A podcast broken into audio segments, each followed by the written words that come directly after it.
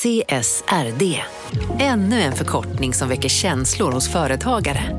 Men lugn, våra rådgivare här på PWC har koll på det som din verksamhet berörs av. Från hållbarhetslösningar och nya regelverk till affärsutveckling och ansvarsfulla AI-strategier. Välkommen till PWC. Välkomna sommaren med att... Res med Stena Line i sommar och gör det mesta av din semester. Ta bilen till Danmark, Tyskland, Lettland, Polen och resten av Europa. Se alla våra destinationer och boka nu på stenaline.se. Välkommen ombord!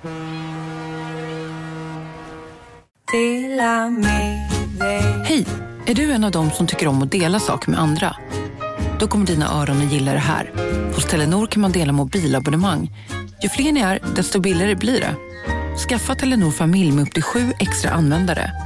Välkommen till någon av Telenors butiker eller telenor.se.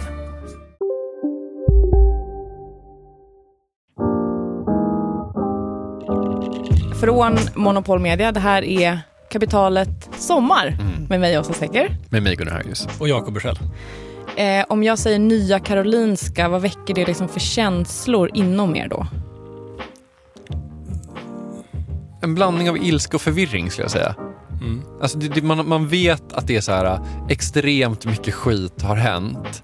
Man har några så här buzzwords som man så här känner igen som är så här äh, konsulter, Irene Svenonius, Boston Consulting Group, en miljon miljarders, världens dyraste byggnad någonsin och typ så här äh, men, men man har liksom i, i, däremellan de här liksom luftiga orden så är det bara tomhet. Samtidigt tycker jag att, att liksom i så här polariseringens och, och faktaresistensens tidevarv så när det är sådana komplexa frågor så blir man direkt liksom man, man liksom så här, vem är det som har rätt och vem är det som har fel? Och det, det blir nästan än, ännu svårare att sätta sig in i, i de här frågorna. Ja, alltså för att som så här, medborgare och människa så känner jag kanske som du Gunnar, så här, vad känner jag kring det här? Men som journalist så känner jag ju framför allt dåligt samvete. Alltså jag har inte orkat. Jag missade de första artiklarna om Nya Karolinska och då kändes det som att nej men det är för sent. Det är kört. Jag kan inte försöka sätta mig in i Det är för komplext. det är för komplext. Men det finns två personer som har orkat. Och oj vad de har orkat. Anna Gustafsson och Lisa Röstlund på DN. Wow. De har sedan 2016 bara så här, nej men vi ska förstå det här, vi ska gräva i det här, vi ska förklara för alla andra hur det hänger ihop. Och de har skrivit en bok, de har sammanfattat allt det här i en bok. Så nu behöver man liksom inte gå tillbaka och läsa, jag tror att de har skrivit över 200 artiklar. Man behöver inte läsa dem, man kan läsa deras bok. Aha. Det är underbart. Och, och nu har de då berättat det här för dig, Ja, de. Annars skulle du inte ta upp det här, tänker jag. De har berättat för mig. De har skrivit boken Konsulterna, kampen om Karolinska. Eh, och jag kände väldigt starkt när jag hade läst den att så här, det här är en samhällsinsats. De har förklarat någonting som jag bara känt, nej, nej, jag orkar inte. De har förklarat det för mig, jag känner att jag förstår. Och du har inte längre dåligt samvete. Jag har inte längre dåligt samvete. Gud, är inte det det skönt. finaste man kan göra för en annan människa? Att så här, ta bort det dåliga samvetet. Jag ska nu lyssna på den här intervjun och sen ska jag bara få, då får jag liksom, jag tänker att intervjun ger mig så här 35% mindre dåligt samvete och sen ska jag läsa boken. Ja, absolut. Jättebra. Eh, Den här intervjun hade ju kunnat vara eh, ja, fem, sex timmar lång ungefär. Ja. Vi var tvungna att liksom komprimera den här historien lite grann. Och jag vill bara säga här nu innan vi liksom trycker på play att om ni undrar varför det bara är Anna som pratar en stund in i intervjun så var det för att Lisa som den grävande reportern hon är var tvungen att göra en intervju med Socialstyrelsen lite snabbt. Eh, eh, never not working. Eh, det är så de jobbar. Eh, men sen kommer Lisa tillbaka in i studion och är på banan igen. Okej. Eh, Så nu har jag sagt det. När vi kommer tillbaka, historien om Nya Karolinska.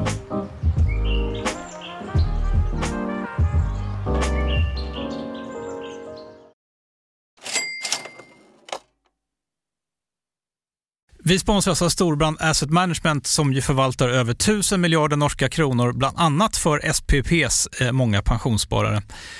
För två år sedan så investerade Storbrand i drygt 60 tåg, alltså tågvagnar, eh, som rullar mellan London och Skottland. De leasar sedan de här tågvagnarna till tågoperatören som alltså kör tågen och säljer biljetter och sånt eh, med ett avtal på 27 år. Så britterna får nya fina tåg och storbrandskunder, eh, däribland alltså SPPs pensionssparare, får en inflationsskyddad avkastning med låga risker under lång tid. Det här är ett av supermånga exempel på hur pensionskapitalet i växande omfattning bidrar till att bygga samhället och inte minst till att klara klimatmålen. Det behövs elproduktion, elnät, batteriparker, nya transportlösningar och allt möjligt. Bara i Europa antas investeringsbehovet för att klara klimatmålen uppgå till tusentals miljarder dollar. Och det här är ju pengar som ganska ofta saknas i statsbudgetarna. Däremot är det här pengar som pensionsbolagen kan vara med eh, och stoppa in, vilket ger pensionsspararna en fin avkastning under lång tid samtidigt som man är med och ställer om samhället. Vi har gjort ett helt avsnitt om det här eh, som man kan lyssna på. Det publiceras här i Kapitalet i mitten av maj. Ratta gärna in det om ni vill lära er mer om hur det här funkar. Men tack säger vi till Storbrand Asset Management som ju investerar i alla tänkbara tillgångslag, bland annat för pensionsbolaget SPP. Och tillsammans försöker ju vi, Storbrand och SPP, öka medvetenheten om hur pensionerna funkar och vilken roll pensionerna spelar i samhället och i ekonomin.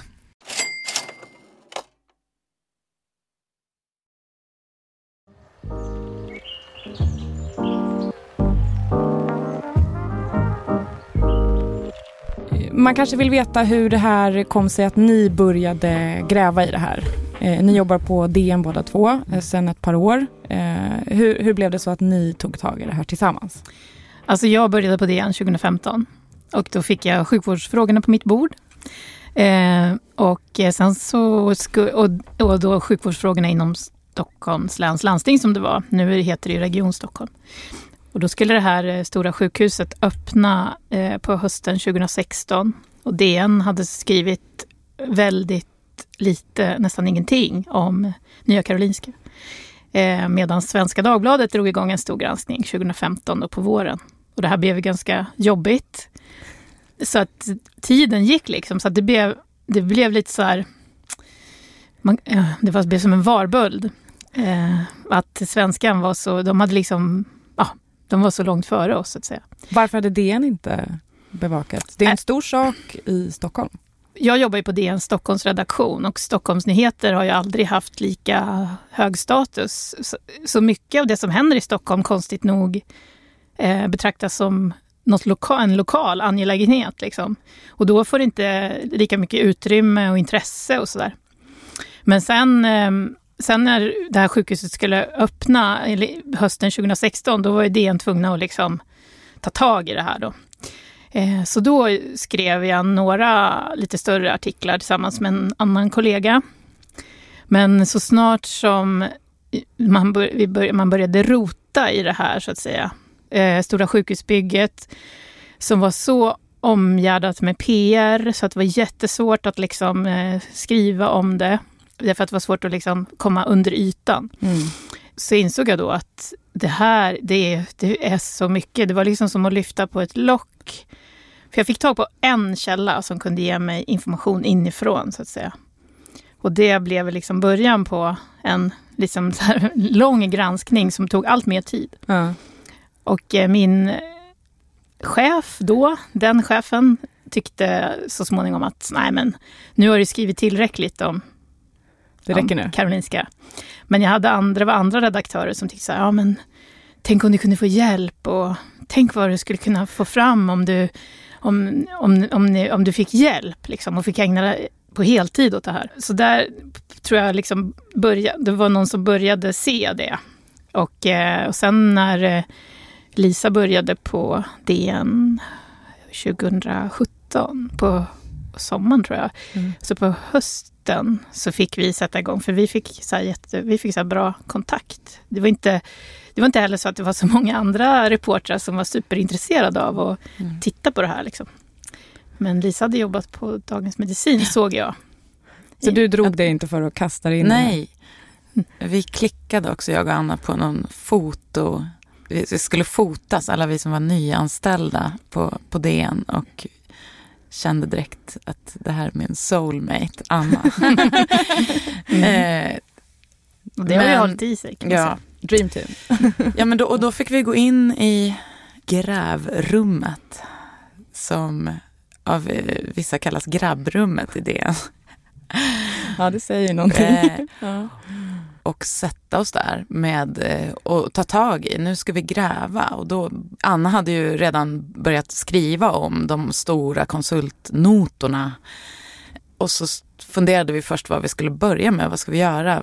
Och då började vi titta på, igen, konsultnoterna och börja jämföra det här konsultbolaget Boston Consulting Groups fakturor med de andra eh, managementkonsultbolagens fakturor och de stack ut mm. så fruktansvärt i summor och i vad det eh, innehöll. Mm. Jag tänker vi får komma in på, på mer detaljer, mm. men, men, om man vill liksom backa lite, så här nu när det har gått några år, ni har jobbat med det här väldigt länge och försöker att zooma ut, vad är det här en historia om? Vad är liksom rubriken på den här historien? Vad handlar det om? Vad är kärnan? Jag, jag skulle säga att det är en historia om ett stort sjukhusbygge som byggs på initiativ av politiker som eh, vill genomföra något stort och nytt och modernt och i, i nära samarbete med näringslivet. Att det offentliga och näringslivet ska mötas tajtare. Både i, i formen av byggandet med den här upphandlingsformen OPS och på många andra plan också. Och här kommer konsultbolag in som har kunder som både privata och offentliga. Eh, som har det här intresset verkligen av att föra samman det offentliga och privata. Men som in, vi som journalister och det offentliga inte har transparent inblick i vad, vad det finns för intressen och kunder hos de här konsultbolagen. Mm. Det är väl många som har beskrivit att det, det liksom dras som flugor, konsultbolag till det här enorma projektet med enorm budget mm. eh, och där man ser möjligheter till att påverka på, på så många plan och få Karolinska som internationellt varumärke att sälja vidare olika koncept med. Mm. För, det, ja, för det är också så att det är ju också ett projekt som har, det finns ju också andra, vad ska man säga, det finns ju vidare intressen som inte bara handlar om Karolinska i det här, utan det är just att Karolinska ska bli en ska liksom bli ett skyltfönster för det här nya sättet också att organisera sjukvård på. Så då gör man ju anspråk på att det ska ju inte bara påverka det här, just det här sjukhusbygget och sättet att organisera om vården. Det, det kommer ju påverka hela sjukvården i Stockholm. Men på sikt så i boken så beskriver vi ju hur Alltså ambitionerna är mycket större än att bara gälla Karolinska, utan det gäller ju hela sjukvårdssystemet så att säga. I man, Sverige och världen. Mm, mm. Precis, som ska bli mer marknadsanpassat eh, och, eh, och man säljer in det som att det är med patienten i centrum så att säga. Att det, ja, mm. Vilket ju låter väldigt bra. Mm. Jag tänker om man ska försöka bena ut de här olika bitarna. Ni har ju en väldigt pedagogisk tidslinje i början av boken. Mm. Den börjar ju redan 1991 mm. tror jag. Är det, är det där den här historien börjar? Och vad är det som händer 91? Då kommer Michael Porter, en amerikansk ekonom, eh, professor vid Harvard i Boston. Han är expert på internationell konkurrens framför allt. Och han eh, dras in i Reagan-administrationen för att titta på internationell konkurrens och kluster mellan olika institutioner och, och industrier som eh, samverkar och stöttar och hjälper varandra. Och hur det kommer sig att vissa länder, bilindustrin i Tyskland, hur den klarar sig jämfört med bilindustrin i Japan och USA. Då börjar han titta på Sverige och eh, börjar samarbeta med en professor vid Handels. Och där nämner han redan 1991 i en bok som släpps då att ett kluster kring Karolinska är intressant för alltså, samarbete mellan läkemedelsbolag och, och det offentliga kring Karolinska. För den här Michael Porter, det är ett namn som återkommer hela tiden mm. i boken för att han är någon slags eh, eh, vad, vad ska man säga, fader till den här eh, idén som sen genomsyrar alltihopa. Vad är hans koppling till Boston Consulting Group? Han började samarbeta med Boston Consulting Group det gjorde han inte initialt. Nej, det, det gjorde han eh, i mitten av 2000-talet eh, eller se, senare delen av eh, 00-talet. Mm. Innan dess hade han drivit sin e sitt eget konsultbolag tillsammans med eh, några Harvard-kollegor som var ett lika stort konsultbolag internationellt som, som eh, Boston Consulting Group. Och de hade bland annat tagit uppdrag från eh, Gaddafi-regimen i Libyen. Eh, och då satsar man ju på det här internationella konkurrenstänket och att polera eh, varumärket för olika länder och regimer. Och, och, då tog man på sig att putsa ryktet för Gaddafi och ta bort bilden av honom som diktator och bilden av terrorattacker och tortyr och istället lansera honom som en nytänkare och liberal. Och då knöt man till sig prominenta akademiker i USA och i Europa som fick komma och träffa Gaddafi och sen åka hem till sina respektive länder och skriva om honom och berätta den här nya historien. Eh, och betalade dem för det. Idag är det en helt sjuk historia, känns det som. När man har liksom hela Gaddafis... Ja. Men, men den är intressant att hålla i, i åtanke, hur, hur man har gått tillväga där. Sen i samband med arabiska våren så briserar den här skandalen. Då, då hade avtal läckt ut som hade eh, slutits mellan Gaddafi-regimen och, och eh, det här konsultbolaget. Och de gick i konkurs. Men då hade Michael Porter skrivit parallellt den här nya bibeln där han lanserade konceptet för världens sjukvård, value-based healthcare, värdebaserad vård. Ja. Redefining Healthcare kom 2006. För, för det som blir konstigt är ju att, så här, att han är en person som har varit involverad i det som blir en skandal och Monitor Group går väl i konkurs och att han sen liksom överlever det och fortsätter att kunna vara någon slags mm. guru som kan sprida sitt budskap över världen. Han borde ju vara bränd, kan man mm. tycka. Men han ger sig också in i en helt ny eh, bransch kan man ju säga. Eller liksom, han ger sig in på ett nytt område och då mm. kanske, det kan ju också påverka att han inte är så bränd eller liksom känd i den, han är inte så känd i den världen så att säga. När, man, när han ger sig in i sjukvårds, eh, på sjukvårdsområdet. Så.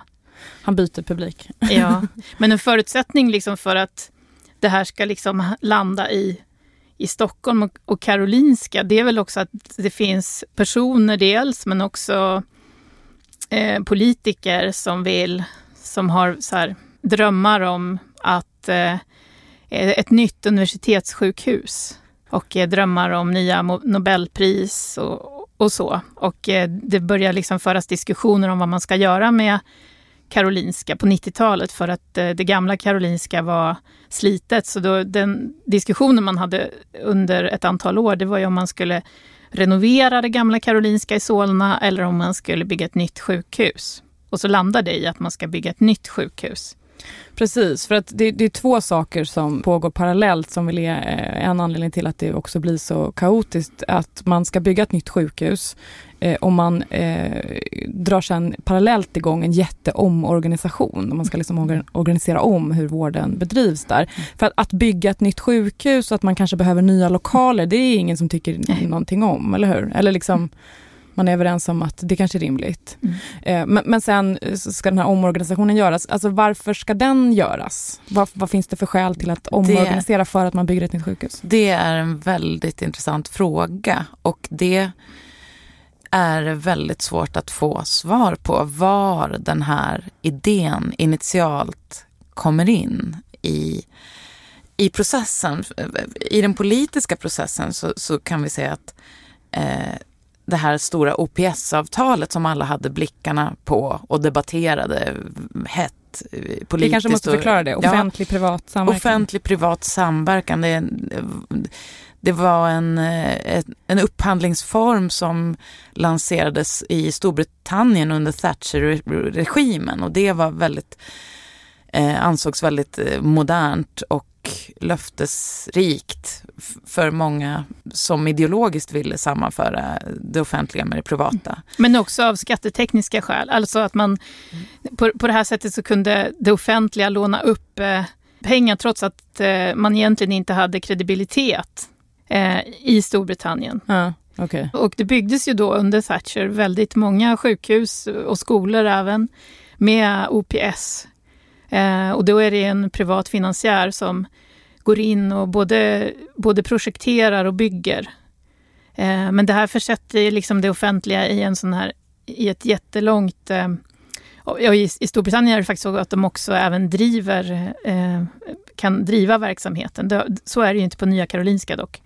Men det, det här det är väldigt långa eh, avtal som man skriver med det offentliga. Och sen i och med att det är en, en privat finansiär som, som tar upp, eh, som står för lånedelen, så blir det en, en risk som eh, det offentliga betalar för, så att säga, vilket, vilket i sig då driver upp kostnaden för räntorna. Eh, räntan kan aldrig bli så låg för alltså en, ett landsting eller en kommun har väldigt goda förutsättningar att låna till eh, låg ränta. Mm. Eh, men trots det så valde man den här modellen. Man visste redan i Stockholm att det här skulle bli, det skulle bli dyrare och det var utredningar som landstinget hade gjort som, som avrådde från att välja OPS-upphandlingen. Varför landade man i det ändå? Då? Ja, det gjorde man av eh, ideologiska skäl för att 2006 så blev det maktskifte. Under den här perioden, under den här tiden så var det, det var länge så i Stockholms läns landsting att det skiftade majoriteter mellan, mellan eh, borgerliga och eh, socialdemokrater, socialdemokratiskt ledda då, majoriteter eh, vid varje val. Och 2006 så blev det borgerligt skifte. Och då, efter det så är det bara OPS som gäller, för då, då kom det ett par andra utredningar som var framtagna av eh, konsultbolag faktiskt, som själva är involverade i eh, OPS-projekt. Men de pekade istället på att det här var, det var till stor fördel för landstinget och det skulle inte bli dyrare. Men det fanns andra utredningar som visade att det skulle bli dyrare? Ja, andra tidiga utredningar som landstinget själva hade gjort. Mm. Och då pekar man också på att det här var sånt, det var väldigt, väldigt oprövat i Sverige. Eh, vilket, vilket var en osäkerhet i sig och som också och, och, att det var oprövat i Sverige, att det fanns väldigt få aktörer som kunde eh, som, som man kunde tänka sig vara beredda att eh, driva ett OPS-projekt. Och det i sig kan ju driva upp kostnaderna. Om det, alltså, det är låg konkurrens ja, mellan aktörerna. Ja. ja. och så, så var det ju också. Det var ju bara en anbudsgivare i slutändan som, som la bud mm. eh, i den här upphandlingen. Men man väljer ändå det spåret och du säger att det kanske var av ideologiska skäl. Hur det var inte kanske. Det var ideologiska det har till och med, Det har till och med slagits fast av Stockholms universitet som har gjort en utvärdering av Karolinska, ah, okay. att det var av ideologiska skäl. Ah. Man vill gifta samman det privata med offentliga. Mm. Och hur hänger det ihop med då att man eh, initierar en omorganisation? Det var där vi ja, var. det är väldigt intressant för 2010 när det här klubbas i landstingsfullmäktige så är det en, en jättestort, ett stort material som klubbas igenom i det här jättebeslutet om finansieringen av bygget och driften under lång tid som också, som också skrevs in. Eh, men i, mitt i det här så anges också att klinikerna på Karolinska ska tas bort. Står det, i det materialet som ja, klubbas då? Ja, som ja. klubbas av eh, landstingsfullmäktige. Och det här är någonting som, som politikerna i oppositionen inte reagerar på då. Man ser inte att det här är någon, en stor sak. Nej. Man förstår inte vad det innebär. Men om man börjar titta på hur eh, sjukhus internationellt och nationellt är organiserade så är det en enorm sak att ta bort klinikerna. Klinikerna är liksom grundbulten för eh, hur alla sjukhus i princip i världen är organiserade kring läkarnas olika specialiteter. Ja. Eh, typ det finns en ortopedklinik, det finns precis. en internmedicinklinik. Ja. Precis, det finns öron, näsa, hals. Mm. De speglar läkarnas eh, specialiteter mm. och det har evolverat fram under hundratals år på motsvarande sätt i alla länder. Men här så har politiker, som, som vi har sett i vår research, blivit uppvaktade av Michael Porter som personligen har hört av sig om det här nya konceptet som är mycket smartare än det här systemet som har evolverat fram under hundratals år. Han har skrivit Redefining Healthcare som lanserar värdebaserad vård som är ett helt nytt sätt att organisera på. Som, är, som går ut på att man ska mäta all vård och kvaliteten ska slå ut det som är dålig vård. Mm. Eh, Alla mått ska visa vad som är bra vård och det ska sållas fram. Och då ska man organisera på ett visst sätt i snäva diagnosflöden istället för kliniker. Där olika diagnoser ska ha en egen organisatorisk enhet. Mm. Där man ska mäta den här kvaliteten. Och det här är Michael Porter som redan 91 har sett Karolinska klustret framför Mm. sig, har skrivit den här boken sen, det är 20 år senare. Nej, när kom- 2006. 2006, Mm. från 91 till 2006. Och så har han uppvaktat svenska politiker i Stockholm och, det Och har, tjänstemän. och tjänstemän och det har tagit sig in i det här beslutet som egentligen handlar om finansieringen. Ja, fast det, det är ju väldigt mycket i det här som är väldigt så luddigt uttryckt eftersom det står, det står inte, det står inte så här klinikerna ska avskaffas utan det står så här organiserar man, alltså vården på Nya Karolinska ska drivas tematiskt och det nya är då, ser man, alltså det är beskrivet ungefär som att det nya är då att man avskaffar klinikerna, alltså det är så man gör, ungefär så är det beskrivet. Som en självklarhet. Ja, exakt. Men, sen är det, men det som är, också är luddigt, det är ju att här, här ser man det i det beslutet från 2010. Men sen tar det ju liksom, sen dröjer det ända till 2015 innan man på Karolinska fattar det här beslutet om omorganisationen. Och då börjar man ju närma sig eh, tidpunkten för hela flytten in på sjukhuset. Alltså. Så att det finns ju liksom en... Det forskare som har hållit på att utvärdera det Nya Karolinska projektet pekar ju också på att det här med verksamheten, hur den skulle organiseras rent forma, formellt så att säga, eller liksom i, i alla beslut och så, så kommer det in väldigt sent. Alltså det, blir, det finns inte, det är inte beskrivet i, alltså i, i, de, i de kommunala liksom besluten och dokumenten så är inte det här beskrivet och, och beslutet liksom att Karolinska eh, ska omorganiseras på det här sättet, det kommer liksom det, det tas 2015. Och, men då har ju Boston Consulting Group verkligen fått då har ju de fått en position inne på Karolinska. Det är på något sätt det som är förutsättningen för att det här ska verkställas. För vi, ska, vi kan säga också, Michael Porter, den här professorn då, som lanserar det här konceptet och eh, uppvaktar tjänstemän och politiker nationellt även och regionalt i Stockholm. Han har börjat samarbeta tätt med det här konsultbolaget Boston Consulting Group som börjar också lansera det här konceptet. Och, och den som är ansvarig för det på Boston Consulting Group är en svensk läkare Som har sin bakgrund också på Karolinska eller på Astrid Lindgrens Mm. eh, barnsjukhus. som heter Stefan Larsson och han, är, han har blivit prisad som en av världens skickligaste konsulter, mest framgångsrika. Han går in i det här och blir eh, en av det, det globala Boston Consulting Groups eh, huvudideologer i, i, kring sjukvårdsorganisation. Och eh, då är det värdebaserad vård som man säljer.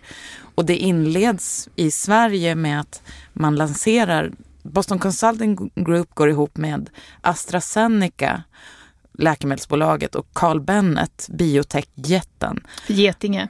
Eh, och slår på stortrumman och säger det här är framtidens vård, värdebaserad vård.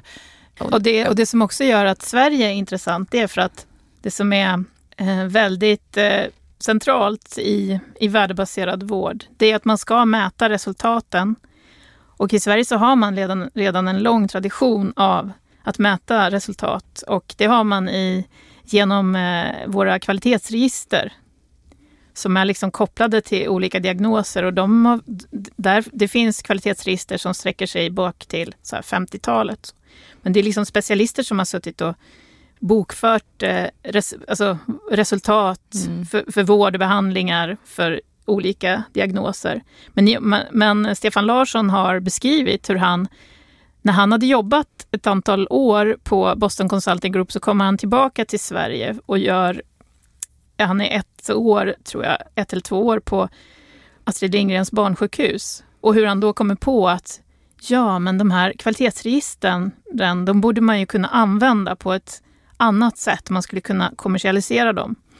Ja, och, och inte, då, inte minst genom att man digitaliserar dem. För det här är liksom, kvalitetsregistren har ju som bevakats av, av eh, väldigt entusiastiska specialister som har varit registerhållare och det har man ju gjort analogt, alltså på papper. Så. Mm. Eh, men i och med att man kan digitalisera dem, om man då kan använda de här och liksom att, att göra dem mer öppna och redovisa resultat så har man, man gör sedan en, eh, en statlig utredning som Boston Consulting Group är med och initierar faktiskt. Eh, och då, kall, det, som, då kallas eh, kvalitetsregistren för Guldet. De kallar det själva för mm, det? Den svenska ja. guldgruvan. Ja. Mm. För det, det, som, det som är tydligt och det man, det man måste ha med sig i åtanke är ju just det här treenigheten som lanserar värdebaserad vård i Sverige. Det var Boston Consulting Group, Carl Bennet och AstraZeneca. Det är bolag som då, 2007 och 2009, när man samlade till stora högnivåmöten. Eh, precis, högnivåmöten med mm. politiker från reger, alltså, företrädare från regeringen och alla landsting eh, och universitet för att lansera det här. Då var man öppen med sättet att organisera på och mäta vården in i minsta detalj för att kunna komma åt kvaliteten skulle skapa en win-win situation för att det skulle alstra så mycket patientdata som är guldet, som är otroligt värdefullt för många ur många olika aspekter. Eh, bland annat läkemedelsbolag och bioteknikbolag. Ja. Så det här skulle, och det skulle skapa mervärde för vården och mm. patienten mm. som mm. skulle få ett, en högre kvalitet. Mm. Så det låter ju fantastiskt.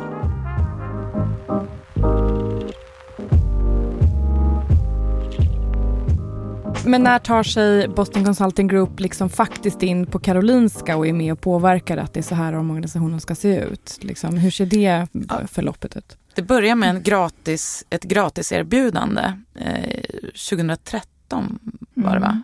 Fast det, 2012. Men, ja, men Karolinska hade ju anlitat Boston Consulting Group därför att Alltså det var ju så här in, inför att man skulle planera flytten in i sjukhuset. Eh, då vann Boston Consulting Group en, en upphandling eh, i konkurrens med andra konsultbolag. Och det var ganska, ett ganska avgränsat uppdrag att de skulle, därför att det började också bli eh, bråttom för att eh, ordna den här eh, stora sjukhusflytten. Vad ska konsulterna göra? På vilket sätt ska de hjälpa till med flytten? Ja, de ska planera, de ska liksom planera den, ja. eh, alltså, log, alltså logistiskt. Okay. Hur det ska gå till, mm. vilka avdelningar ska hamna var och i, vilken, mm. ja. i vilket flöde. Det rent praktiska. Det rent praktiska. Ja, och det är dessutom en väldigt, eh, det är en väldigt vansklig sak att flytta en eh, sjukvårdsorganisation samtidigt som man inte kan, man kan liksom inte helt tömma ett sjukhuset på patienter. Nej, kanske. Det måste pågå vård kanske? Ja men, ja, men exakt. Så då, det är så Boston Consulting Group kommer in först, för då, eh, men då beskrivs det hur, hur man har en, det, det, ja det är en upphandling, men sen får några eh, stora konsultbolag få, kommer och liksom gör presentationen på Karolinska. I, det blir som en slags tävling då. Och då beskriver eh, källor och i boken och hur Boston Consulting Group gjorde ett enormt intryck. De hade liksom också tagit in, de har tagit in konsulter från, från eh, andra delar av Europa och beskrev sina erfarenheter från tidigare sjukhusflyttar och hur de liksom sopar banan med de andra konsultbolagen. Så det var liksom ingen tvekan om att det var Boston Consulting Group som man ville ha. Men på det sättet, det är så de då 2012 11-12 eh, kommer in först på sjukhuset. För att hjälpa till med flytten? Ja, exakt. Mm.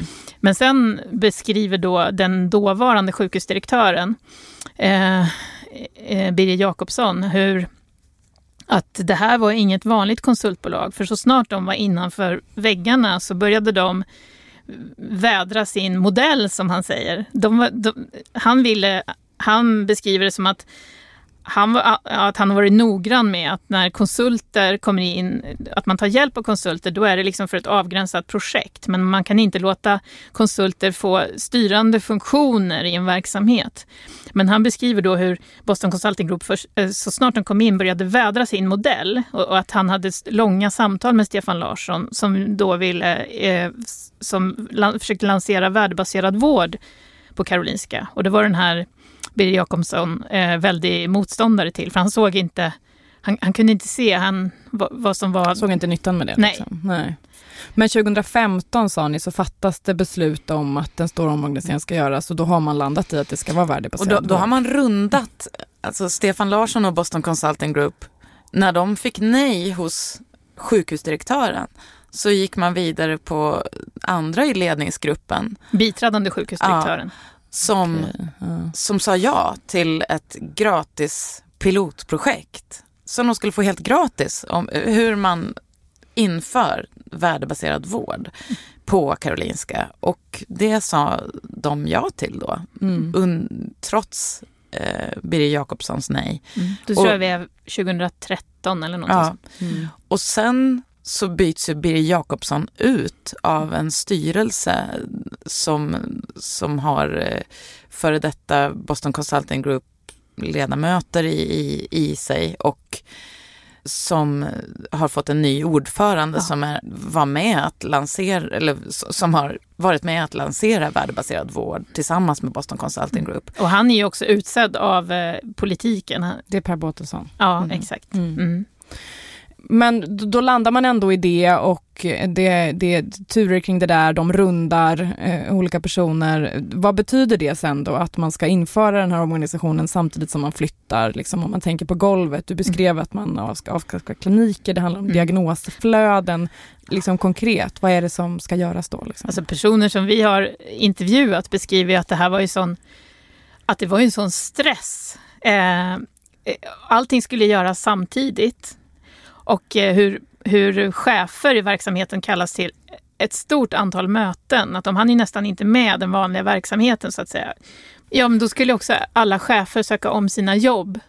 Och sen så ordnar man då eh, stora workshops när eh, man ska lära lära ut hur värdebaserad vård ska införas på Karolinska och hur, hur man liksom eh, sjukhusets eh, chefer de ska ju också då lära ut värdebaserad vård i sin tur. De som har varit med om det här beskriver det samtidigt som att det var ju, känslan var ju att det var det presenterades ett stort antal powerpoints. Det var väldigt lite, det var väldigt lite skriftligt underlag. Det, man fick väldigt lite man presenterade vad som en pro, alltså problemformuleringen, eh, som det som värdebaserad vård skulle lösa på Karolinska. Det var att man hade ojämna resultat i vården, att man hade återkommande ekonomiska problem och eh, någonting mer som jag inte ko- riktigt kommer ihåg. En involvering av patienterna Ja, i besluten kring Mm. vården också. Ja, men att och framförallt så var det ju då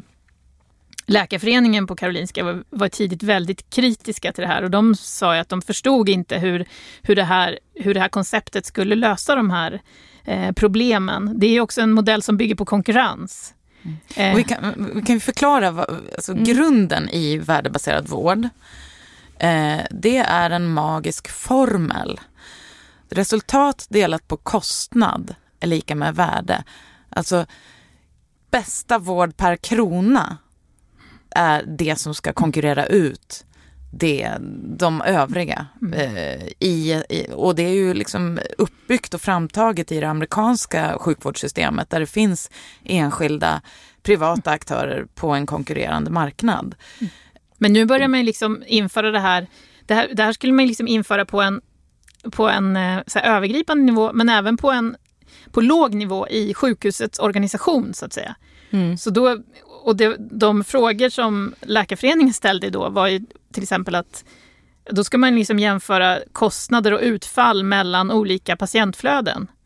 Och eh, det här är liksom en offentligt driven verksamhet Mm. eh, och dessutom ett univers- universitetssjukhus. Och eh, Läkarföreningen ifrågasatte liksom hur vissa patienter kommer aldrig bli lönsamma. Ska vi inte ge, kommer, betyder det att vi eh, kom, ska vi inte ge eh, vård till eh, patienter med terminalcancer till exempel? Utfallet kan ju aldrig bli bra.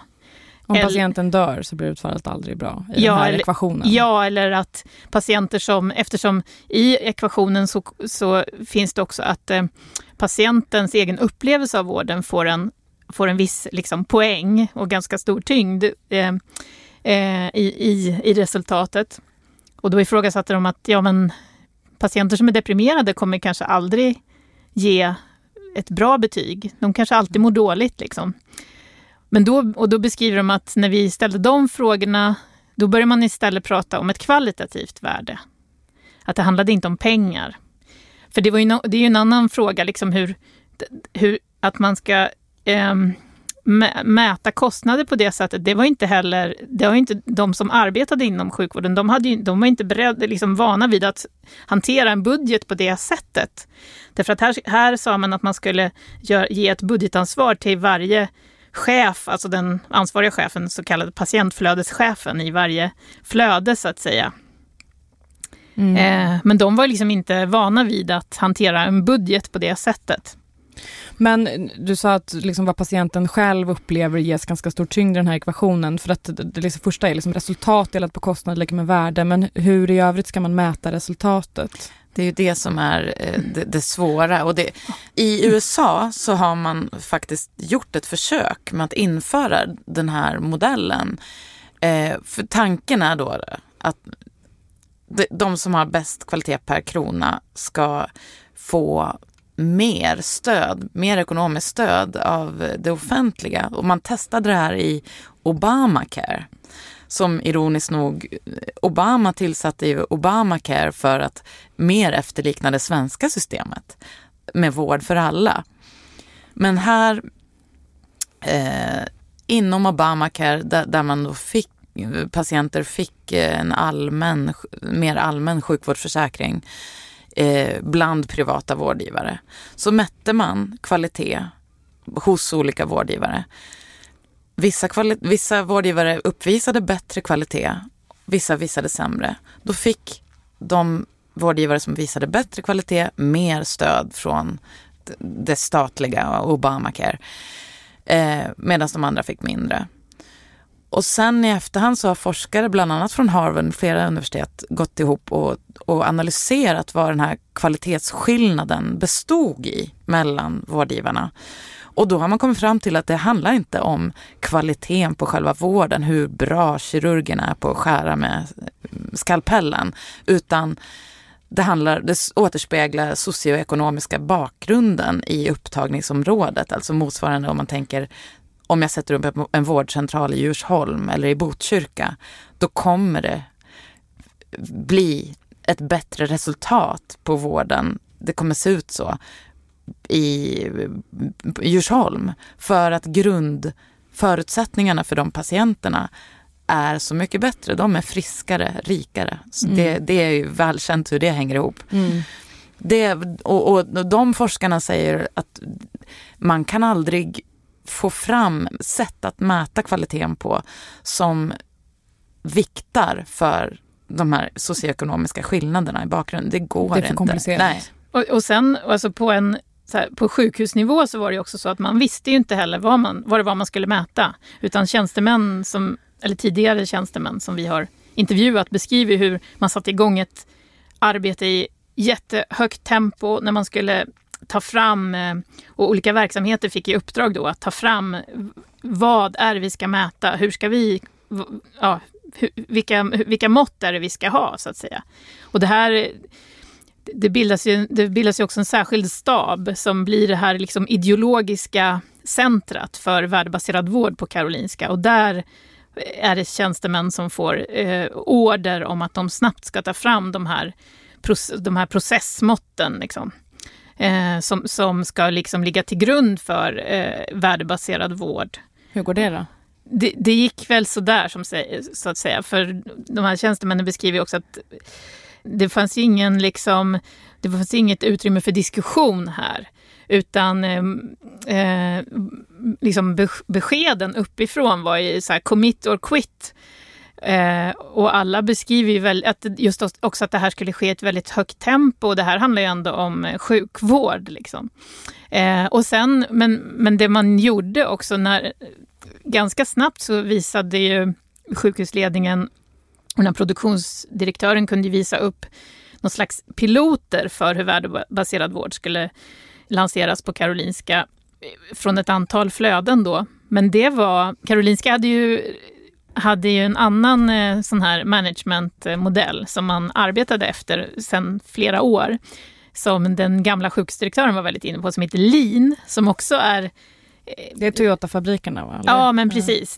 Lean och värdebaserad vård är inte helt eh, väsensskilda, för båda, båda bygger på såna här flöden. Det, det, just den här flödestänket handlar ju om att man ska liksom effektivisera och, och ta bort hindren i, och i det här fallet är det då patientens eh, flöde genom eh, organisationen så att säga till exempel.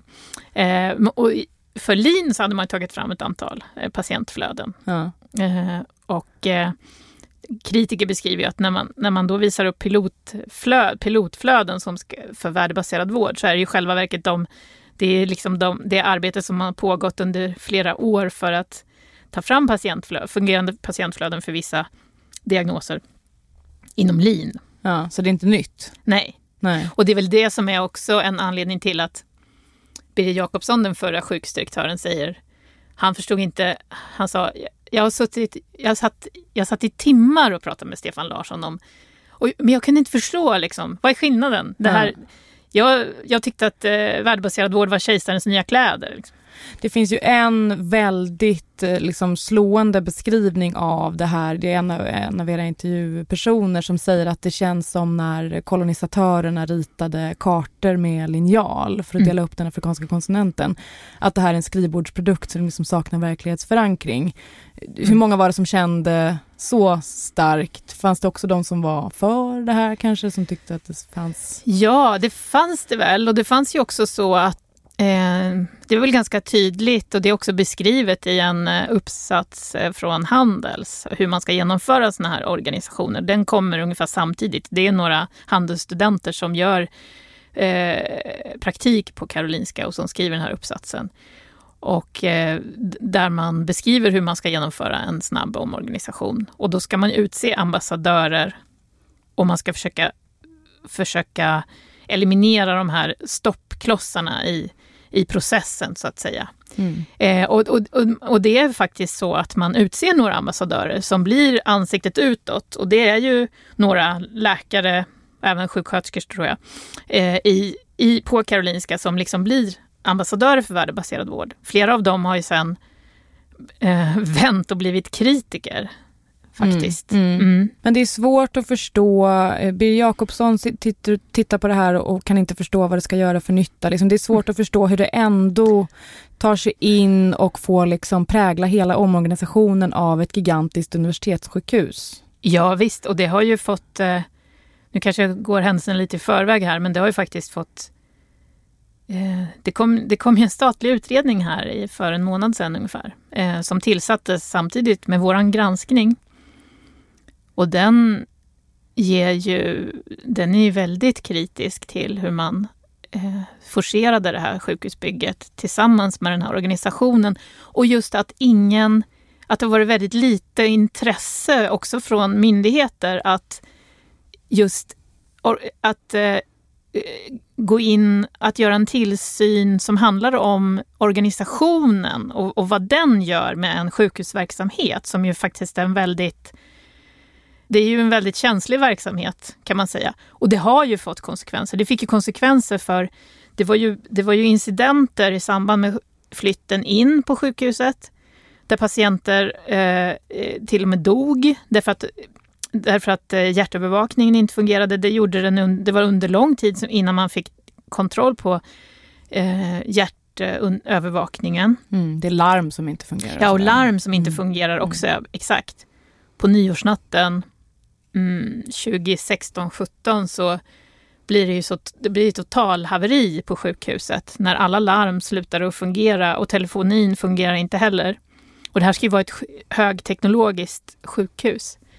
Men, men, och det som är väldigt allvarligt och som vi inte får glömma bort det är ju att om man säger som du sa, att det här är en pappersprodukt, eh, så var det ju faktiskt så att Just det, det som kom fram i den statliga utredningen, det var faktiskt att när man inför den här nya organisationen så har styrelsen på Karolinska, de gjorde inga riskanalyser som omfattade patientsäkerhet.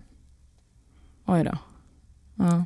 Alltså de gjorde risk, det fanns det är riskanalyser gjorda, men inga som omfattade just som gällde patientsäkerheten. Vilket borde vara det viktigaste.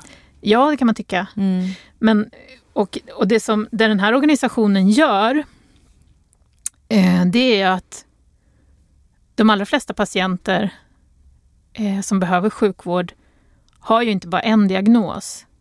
Men när du delar upp organisationen och patienterna i diagnosflöden så bygger det på att patienten har en diagnos. Därför har det blivit... Äldre multisjuka passar inte in i det där. Nej, exakt. Nej. Och, så det varnades ju ganska tidigt för att eh, patienter med flera diagnoser faller mellan stolarna. Det ena. Och det andra är, eh, just när det så här, fokus är på diagnosen, det är att det är svårt, det är inte lätt att diagnostisera patienter. Så patienter som kommer in akut kan också vara svårt att liksom, identifiera var hör de hemma någonstans. Och där, det där har också lett till att patienter inte liksom, har någon tillhörighet och faller mellan stolarna. Mm. Och det är ju väldigt eh, essentiellt för en sjukvårdsorganisation kan man tänka. Mm. För att det också, vilket ni ju skriver, blir så då att det är oklart vem som har ansvar för den här patienten om den inte är organiserad i ett patientflöde, diagnosflöde. Ja, exakt så. Och, om du, och, och därtill, om du kop, därtill kopplar att du har ett eh, budgetansvar eh, så är det personer som beskriver att det har blivit det blir diskussioner om vem ska ta kostnaden för den här röntgen, för den här patienten? Mm. Du eller jag eller vi? Eller, ja. Man skapar en marknadsplats inne på sjukhuset. Exakt, och redan, in, redan när man inför det här så det är inte så att man har oändliga resurser utan snar, man har ju ändliga resurser. En väldigt så eh, liksom, eh, allvarlig konsekvens av det här är ju att köerna växer och det blir ju som mest uppenbart kanske sommaren 2017 när det handlade om ett stort antal cancerpatienter som inte får sina operationer Mm. i tid. Mm. Eh, Hur kommer det sig att köerna växer och att det blir så? Till följd av omorganisationen. Jo, men köerna växer ju i och med att bara det att man flyttar sjukhusverksamheten gör att man måste dra ner på kapaciteten, så att säga, vårdplatser och eh, så kallad produktion i form av behandlingar och operationer och sådär.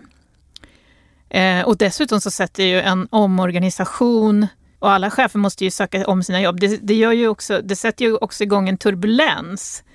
Och inför sommaren 2017, för sommaren är alltid en... Alltså, vård och behandling och, och operationer på ett sjukhus, det följer lite så termins... eh, termins te, det är liksom som en terminsplanering, så att säga. Du ska ha liksom operationsverksamheten på topp eh, mellan, mellan jul och sommar. Liksom. Och eh, inför sommar, sommarperioden, då, då drar man ner på verksamheten för då ska ju även personalen ha sina semestrar. Eh, men våren 2017, då började man se på, och, då var det väl så att då hade ju redan de här köerna börjat växa på genom att sjukhuset var inne i den här stora eh, omställningen, både av eh, flytt och eh, omorganisation då samtidigt. Eh, och samtidigt så höll man ju på att införa värdebaserad vård. Men då började andra sjukhus se, därför att de remitterar patienter för stora komplicerade bukoperationer till Karolinska och då började de se att de här väntetiderna hade ökat väldigt. Och det här var en typ av operation som är eh, det kan, med cancer i bukspottkörteln som man, som man enligt eh, så, här standardiserad, så kallade standardiserade vårdförlopp så ska man enligt rekommendationen så ska operationen ske inom 30 dagar efter att man har fått sin diagnos. Och eh, Danderyds sjukhus såg att nu hade väntetiderna dragit iväg något eh, väldigt. Och eh, det som hade hänt, det var ju att det var operationssjuksköterskor på Karolinska i Huddinge som hade det var en grupp, de var fem, sex stycken och de hade liksom ruttnat på sina löner, eller sin löneutveckling. De såg hur, det här är väldigt specialiserade sjuksköterskor, en del kirurger beskriver det som att de här sjuksköterskorna kan nästan, lika, kan nästan mer än, får nästan lära upp kirurgerna. Eh, men de såg att sjukskötersk, sjuksköterskor som kom in och började och hade, in, som hade fick högre ingångslön än vad de själva hade efter flera år då, eller ett, ett, tio år på, på Karolinska. Så de började liksom förhandla om, försöka förhandla om eh, högre lön. Men de fick inget gehör och de fick ingen, de fick liksom ingen respons överhuvudtaget. Eller deras chefer fick ingen respons uppåt i organisationen. Så efter Eh, efter ett tag så sa de upp sig och slutade och då slutade de lagom till eh, sommaren. Så då blev det personalbrist? Dessutom. Ja, exakt. Det blev ja. katastrofal personalbrist. Och det här fick man veta i landstinget. Och det som hände, men det som hände då det var att eh, landstinget, landstingsdirektören tog kontakt med Karolinska. För det blev liksom, gick liksom rykten i landstinget om att Karolinska hade problem eh, och ta kontakt med den här produktionsdirektören som ju också då var kopplad till Boston Consulting Group och frågar honom om det stämmer att Karolinska har stora köproblem, om de behöver hjälp. Men han återkommer och säger att nej, men det var inga problem.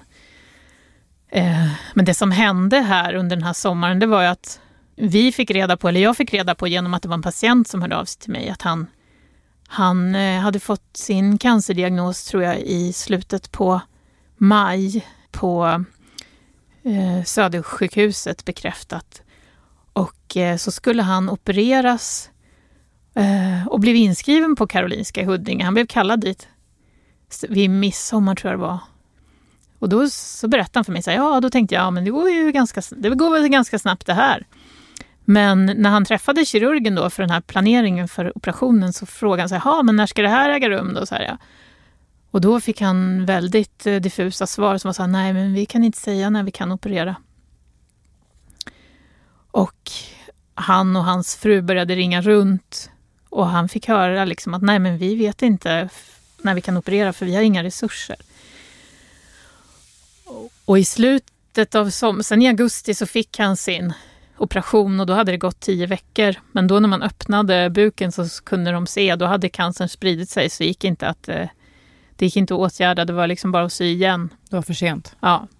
Men han själv då, den här mannen, han, han blev så upprörd över den här situationen så att han började liksom göra en egen...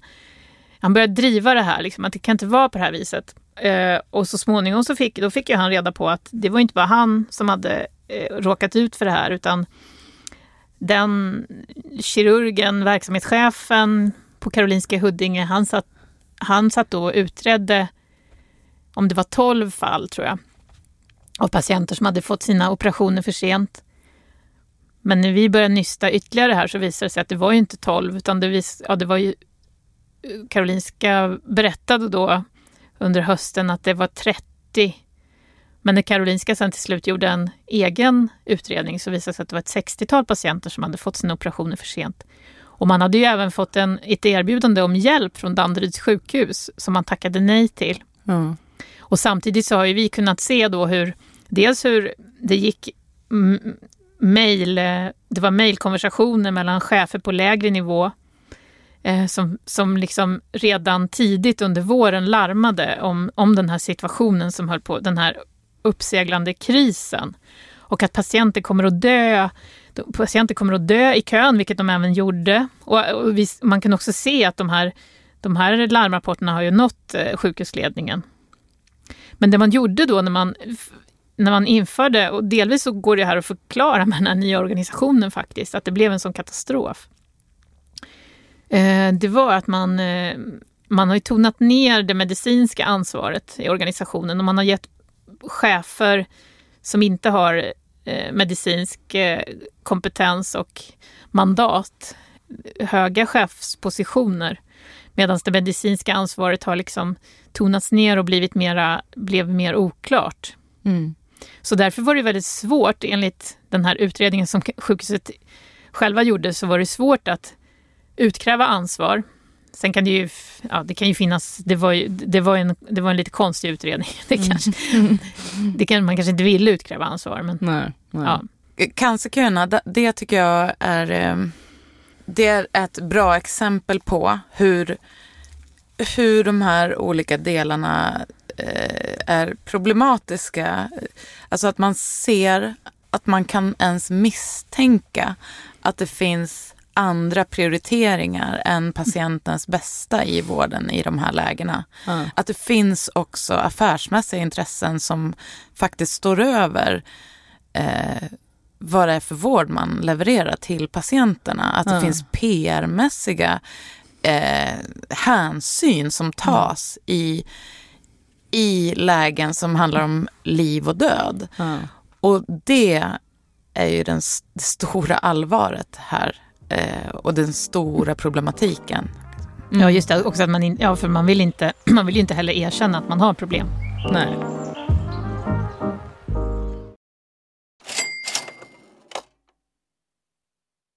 Kapitalet sponsras av Master Exchange, plattformen där du som privatperson kan investera i låtar och får pengar varje gång de här låtarna spelas.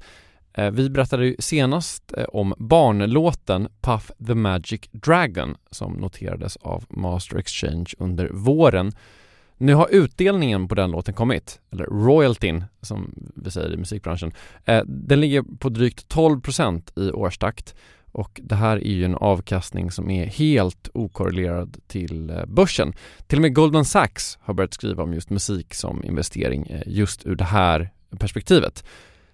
Nu finns en möjlighet att investera i en ny låt. Eh, låten heter Boss Bitch och den är av Doja Cat eh, som, eh, alltså jag ska inte säga att jag är superdeep här men det är ändå en, en person som jag vet om det är. En, en världskändis. Den här låten gav baserat på förra årets spelningar en avkastning på drygt 13% Master Exchange har just nu en väntelista på registreringar. Det, det går lite för bra för dem kan man säga. Men skriver ni in kapitalet som promo code så kan ni runda kön och ansöka om andelar i låten Boss Bitch ändå. Man investerar helt vanliga pengar, det är inget krypto eller sånt där. Så vill du investera i musik och få en avkastning som är helt okorrelerad med börsen och kanske inte minst för att det är kul att äga låtar eh, så kan man gå in på masterexchange.com och använda kapitalet som promo code så går man alltså förbi kön.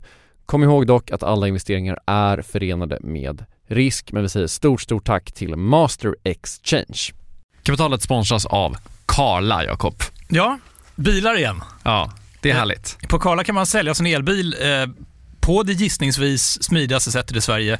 Eh, Karla har ju ett fakt- nästan ett komiskt högt användarbetyg på Trustpilot. Mm. 4,8 av 5, vilket jag typ aldrig hört talas om. Nej, det är väldigt, väldigt högt. Eh, Man knappar in lite info om bilen på sidan, sen får man en gratis värdering och ett bud. Accepterar du budet kommer Karla och hämtar upp bilen gratis och sätter in pengarna innan de kör iväg. Inget mer än så. Rätt fantastiskt. Nej, det är faktiskt Ja. helt otroligt. Och eh, det kan bli ännu mer eh, otroligt än så. eh, För att vi har nämligen en rabattkod som ger dig 2000 kronor extra för bilen. Så om du säljer din bil så får du två lax extra. Stämmer. Bara sådär. Eh, koden är Monopol och eh, den uppger du när du har värderat bilen och eh, pratat med Karlas inköpare. Koden är giltig till sista maj så att eh, passa på om du går i säljartankar. Jag undrar om vi har haft en kod som har gett två lax bara sådär någon gång. Det är Nej, helt otroligt. man behöver en bil förvisso. Absolut, så det är inte, kanske inte bara sådär, men det är ändå 2000 kronor extra. Väldigt bra. Ja. Så sälj din elbil eller laddhybrid till Karla. Du får 2000 kronor extra med rabattkoden Monopol. Eh, hoppa in och kolla på karla.se, Karla Museet. Där kan man också köpa bilar ska jag tillägga. Verkligen. Vi säger stort tack till Karla. Det här är en ekonomipodd, så Ja. att vi måste ju prata lite om, Mm. om, om faktiska pengar. Eh, vad kostar det här projektet eh, svenska skattebetalare? Finns det en summa? Liksom? Alltså det, fin- det finns ju en beräknad summa på vad OPS eh, bygget och OPS-avtalet eh, ligger på. Vad är det? Anna? Just, Du har ja, runt, eh, just nu runt 57 miljoner. Eh, 57 Miljarder. miljarder. 57 miljarder, 57. inklusive drift då eller? Ja, Ja. under 40 år. Mm. Och, och från början så, så var det en mycket lägre summa och sen har man eh, lagt på eh, påbyggnadsavtal som har varit otroligt dyra. Mm. Eh, Alltså det är klassiskt i de här OPS-konstruktionerna att du har ett, du har ett grundavtal. Och det var väl som jag, och det är på 14 miljarder. Ja. Men då ingår ju inte till exempel medicinsk teknik. Det var, också, det var ju också saker som var väldigt ogenomtänkta, eller som man liksom inte tänkt klart på, så att det har liksom byggts upp. Här. Man är det för byggt... att det ska se billigt ut som man börjar med ett grundavtal? Eller? Nej. Kan vara. Kan ju vara så. Och sen i avtalet så, så när man gör förändringar så, så har man ju låst in sig och upp sig med den här eh, leverantören. Vilket gör att det finns ingen konkurrens eh, i prissättning när man måste bygga om. Och det har ju gjort att det blivit enorma kostnader för att bygga om en entré eller mm. Liknande. Är det ett av världens dyraste sjukhus? Eller? Ja, alltså det, landstinget har ju själva gjort eh, det var ju en hemlig eh, konsultrapport, eh, tror jag, 2010 när de, när de insåg att det här skulle bli så dyrt. Och då visade det ju att Nya Karolinska var 50 procent dyrare än, än jämförbara eh, europeiska eh, sjukhus. Nybyggda. Man kan ju kolla på Storbritannien som var i 2018, ja. tror jag, kom med Eh, där kom brittiska riksrevisionen med en stor genomgång av vad OPS-projekt i, i Storbritannien har kostat. Och det eh, slog man fast i snitt var 75 procent dyrare för skattebetalarna på grund av OPS-upplägget. Mm. Men det är ju en del så, som är liksom lättare att se siffror på. Vad den här omorganisationen har kostat. Mm. Eh, det är ju inte beräknat på något sätt. Vi, vi kan säga att ja, det finns konsultkostnader på en kvarts miljard till Boston Consulting Group. Men det är ju ingenting i sammanhanget. Nej. Men det är också så att själva det här sättet att bedriva sjukvård på, det är väl väldigt mycket som talar för att det i sig är kostnadsdrivande. Därför att det värdebaserade vårdsystemet? Ja, men också det här att det här ska vara ett eh, högspecialiserat sjukhus där du bara gör de liksom, mest specialiserade ingreppen. Eh, det som händer liksom, det är att man hela tiden, man har ju flyttat ut väldigt mycket vård från Karolinska för det ska inte bedrivas där. Det som inte är högspecialiserat ska inte bedrivas där. Men det i sig gör ju att du kan inte, du måste ha om du ska bedriva eh, akutsjukvård eh, med, väldigt, med väldigt sjuka patienter så måste du ha en, du måste liksom ha jourlinjer, du måste ha dygnet runt eh, bemanning. Även om eh, din verksamhet så att säga blir på något sätt mindre. Och, och, och ett, ett, exempel på det här är den här eh, intensivakuten. Karolin, Nya Karolinska ska ju vara ett det är byggt också som ett, eh, med amerikansk förebild, ett traumasjukhus där man ska ta hand om trauman. Det finns ju väldigt många, jag tror det finns 40 operationssalar.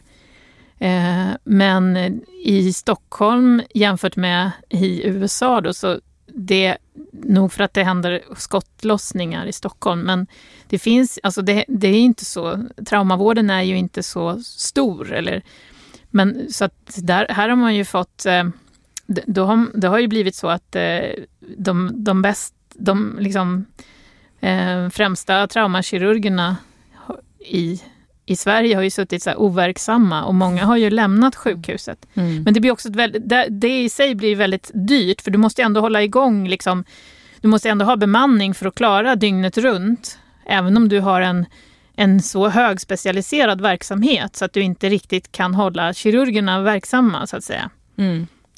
Eh, du sa att den här kvartsmiljarden som Boston Consulting Group fakturerar Karolinska är liksom inte så mycket i de här sammanhangen, Nej. men en väldigt liksom, eh, siffra som man reagerar på är ju att av den här kvartsmiljarden, det är 257 miljoner, miljoner mm. eh, så är det, 200, är det 207 eller 209 miljoner som saknar mm, ordentliga underlag. Ja.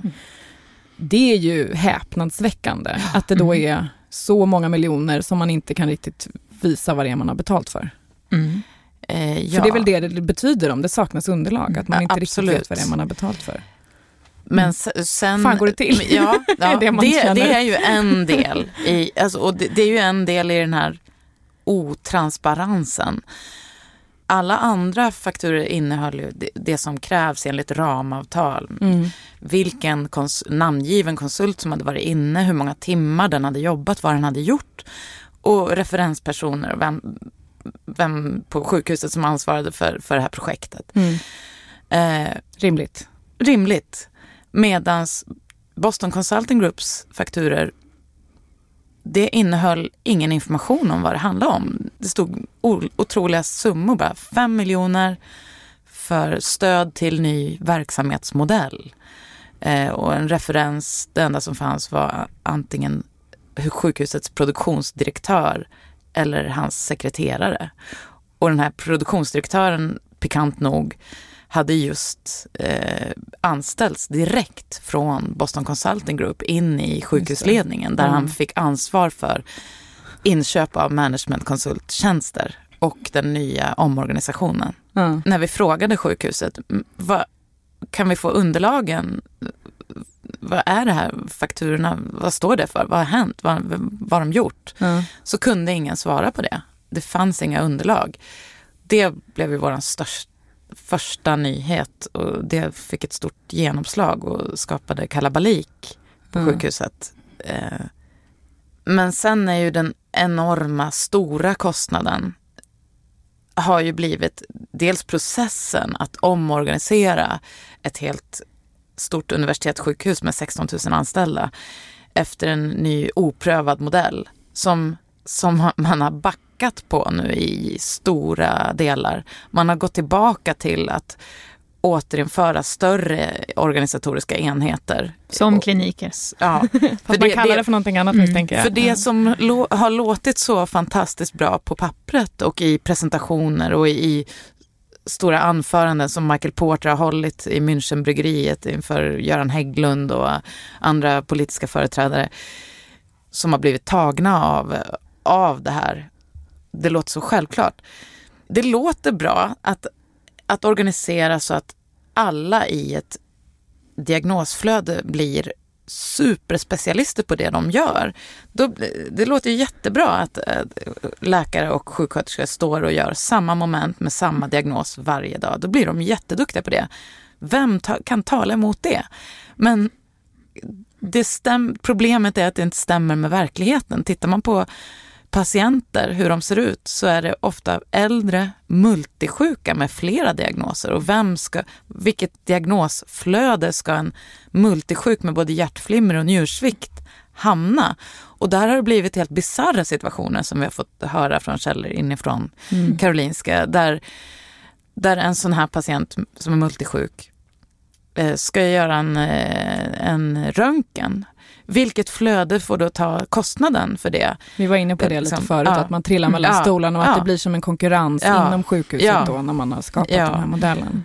Men sen är det ju också en annan sak som också har att göra med den här kommersialiseringen så att säga av sjukvården. Det var ju att redan under planeringsarbetet så såg man ju att eh, det här skulle bli ganska dyrt. Och Per Båtesson har ju berättat att hans idé, liksom, hur man skulle lösa det här, det var ju att man skulle sälja man skulle sälja vård och eh, man skulle också ta emot patienter från Mellanöstern fanns det en eh, vision om. Eh, så att Det är så man ska få in mer pengar så Mm. att man kan bekosta det här projektet. Ja, Eller ha råd med den här modellen. Ja. Per Båtelsson alltså som var styrelseordförande. Ja, precis. Ja. Som själv har... Han var ju också tid, en tidig eh, vårdentreprenör i Sverige under en, liksom en tidig eh, period av eh, när man börjar liksom ta in privata intressen och privatisera sjukvård. Om man nu ska prata ekonomi så ser vi liksom ett stort intresse just i det här guldet, patientdatan. Och att man, Boston Consulting Group tillsammans med Michael Porter och en professor vid Karolinska institutet startade parallellt ett annat bolag som heter iChom som skapades för att sprida konceptet värdebaserad vård men också samla in kvalitetsparametrar eh, och standardisera det globalt. Men också eh, eh, samla in patientdata, faktiska patientdata till en global databas. Eh, och, och, och det här är ju eh, som många källor till oss säger och liksom oroar sig över att det här är den faktiska eh, grejen. Det Mm. här är Drivkraft. drivkraften i värdebaserad vård och då kommer ju också de här frågorna om intressekonflikterna kring patientens bästa fram. Mm. För jag tänker att det, man, man liksom, när man har läst klart boken så lämnas man liksom med frågan just kring de här drivkrafterna. Eh, det, det framgår ju väldigt tydligt att det finns eh, politiker som vill sätta Karolinska och Sverige på kartan. Man ska gå i bräschen, det ska revolutionera, showcase, det är massa sådana här begrepp som, som slängs med. Så det ena är liksom så här, eh, fåfänga politiker i jakt på prestige. Mm. Och det andra är eh, väldigt giriga konsulter som ser en möjlighet att tjäna en massa pengar genom att ta sig in i det offentliga. Liksom. Om man har de här två, vad är det som är, vad är starkast? Och vad, liksom, om man ser till orsaken till att det blir som det blir. Är det giriga konsulter eller fåfänga politiker? Vad är starkast? Ja. Jag tänker personligen att det är inte konstigt att om man sitter som politiker i ett landsting eller även på nationell nivå med det här enorma komplexa problemet i knät med sjukvård. Hur gör, hur gör vi med den? Mm. Eh, vi har en åldrande befolkning, vi har större medicinska framgångar som kan rädda liv eh, i allt större utsträckning. Det blir dyrare och dyrare med dyrare mediciner. Hur, vad ska vi göra? Och så kommer det en som är ledande expert globalt från ett Boston Consulting Group som samarbetar dessutom med en prominent professor på Harvard. Det är så mycket laddat i det. Mm. Som säger, vi har ett koncept och det här är på gång, det puttrar hela världen. Ni kan gå i bräschen här eh, och lansera det. Ni kan bli först på det här tåget och ni får inte missa det här tåget som går och kan sätta dig på kartan som pionjär också. Mm. Alltså det, jag tror att det är otroligt lockande att köpa det här till synes väldigt enkla, självklara konceptet. Mm. Om man inte sätter sig in i detaljerna. Men det är väldigt diskvalificerande kan man säga för politiker eftersom alltså just att de har köpt det här så lätt, att de inte att det inte finns ett större ifrågasättande av konsulternas eh, motiv så att säga. Det, och, och, just också bara det här budskapet som är väldigt, det är ju flera som beskriver det i boken, att det, var, det är ju liksom en väldig så här väckelse runt den här värdebaserad vård. Att man inte så här, eh, okej, okay, om någon kommer och säger jag har lösningen på alla era problem, enkla lösningar på svåra komplexa problem. Det borde vara är, några röda flaggor som är det, tro, upp, ja. är det troligt? Ja, kanske inte. Jag vet inte, det, det, känns inte heller som en slump att det händer i Stockholm just eftersom man, man, man var så tidigt eh, inne på det här med att man vill ha liksom gifta ihop, man vill bjuda in näringslivet och ha de influenserna. Det, har man ju, det har man ju, hade man ju drivit länge, var man väldigt tidigt ute med i Stockholms läns landsting. Med vårdvalet bland annat. Mm. Men tror konsulterna själva att det här löser problemet? För det verkar ju inte finnas några exempel runt om i världen där man har gjort som man har gjort på Karolinska och det har funkat. Karolinska går ju längre som jag förstår det. Man exemplifierar med Cleveland Clinic och sådär. Men de har ju behållit sina kliniker. Mm. Alltså, eh, tror konsulterna själva att de faktiskt kan liksom skapa bättre vård och kvalitet för patienterna? Eller handlar det om girighet? Jag tror att de toppkonsulterna så att säga, ideologerna, jag tror att de faktiskt eh, tror på, på, på det. Att, och när det inte riktigt lyckas så är det mer andra omständigheter som gör att det inte lyckas. Det är inte på grund av att, att eh, idén inte är perfekt. Det är också väldigt tydligt att nu har man ju, det som utmärker Karolinska det är ju att och det projektet, det är att man ofta eh, för när vi också föreläst om, om, boken så är det ju många som känner igen sig i det här att det kommer konsulter och ska liksom lansera någonting. Men ofta så brukar man inte lyckas införa det till den grad som man har gjort här. Så det, är ju, det gör ju det här väldigt speciellt. Eh, men, men det som också är, är så här kännetecknande tycker jag, det är att för konsulterna, många av de här idéerna som de lanserar, både med iTrom och med och med värdebaserad vård, liksom organisationen. Det är ju inte, det, dels är det inte prövat, men, men, det spelar egentligen ingen roll om det, eh, alltså ur ett kommersiellt perspektiv så spelar det inte så stor roll om det funkar eller inte, för du har ju ändå sålt in din idé och du kan sälja in den igen. Och nu, trots att Karolinska är väldigt dysfunktionellt, eh, så säljs det ju fortfarande eh, som ett exempel på i andra delar av världen. Ja, framgångsrikt. Mm. Jag tror inte att man tror på det här själv, även de högt uppsatta konsultideologerna. Jag, jag tänker på Alltså, när vi hade kommit eh, över ett år in i våran granskning så, så gick vi på ett, en föreläsning av eh, den här högst uppsatta ansvariga konsulten i, i Sverige från Boston Consulting Group, Stefan Larsson. Och, eh, och där satt politiska företrädare från regionen och så vi. Och jag personligen i alla fall kände han presenterade hur vården måste byggas upp och vad som pro problemen är. Och jag kände när vi reste oss och skulle gå därifrån att eh, vad har vi gjort? Vi har ju missuppfattat, det här är ju rätt. Jag, jag var såld. Jag hade köpt hela grejen. Ja. Och sen gick vi hem och transkriberade vad det var han faktiskt sa. Ja. Och det var väldigt mycket motsägelser och Innehållslöst. ingenting. Men det säger någonting om hur kraftfull den Ja. här presentationen är, Ja. liksom, som man kan bli golvad av. Ja. Mm. Ja. De beskrivs också som, alltså just Boston Consulting Group, som att de är, de är fenomenala på paketering. Ja. Mm. Gud, vi skulle kunna prata i hur många timmar som helst tror jag. Men om man ska liksom avsluta med någon slags nutid, hur, hur mår Nya Karolinska idag? Alltså, tyvärr, Dåligt. Dåligt skulle jag säga. Dåligt. Mm. Efter, för, för, bara om man nu pratar pengar så konsulterna skulle ju lösa sjukhusets, sjukhusets ekonomiska problem, men nu har man, förra året gick man med ett underskott på nästan 2 miljarder. Ett underskott som är så stort så att det påverkar hela regionens, eh, alltså hela sjukvårdsbudgeten i regionen, skriver revisorerna i sin senaste rapport. Mörkt.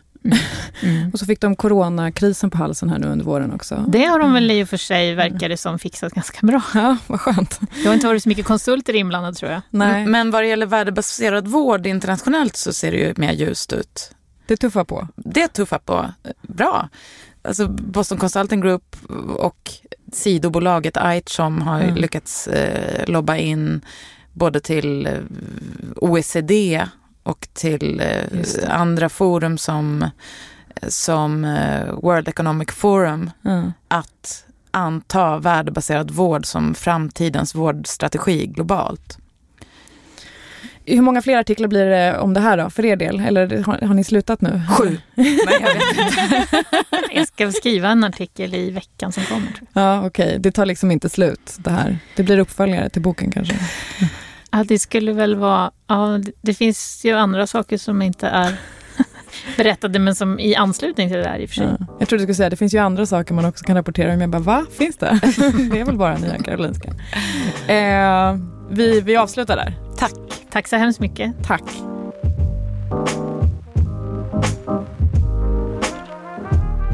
Här är den här intervjun slut, men Lisa Röstlund och Anna Gustafssons arbete med att granska Nya Karolinska är ju uppenbarligen inte slut. Det fortsätter.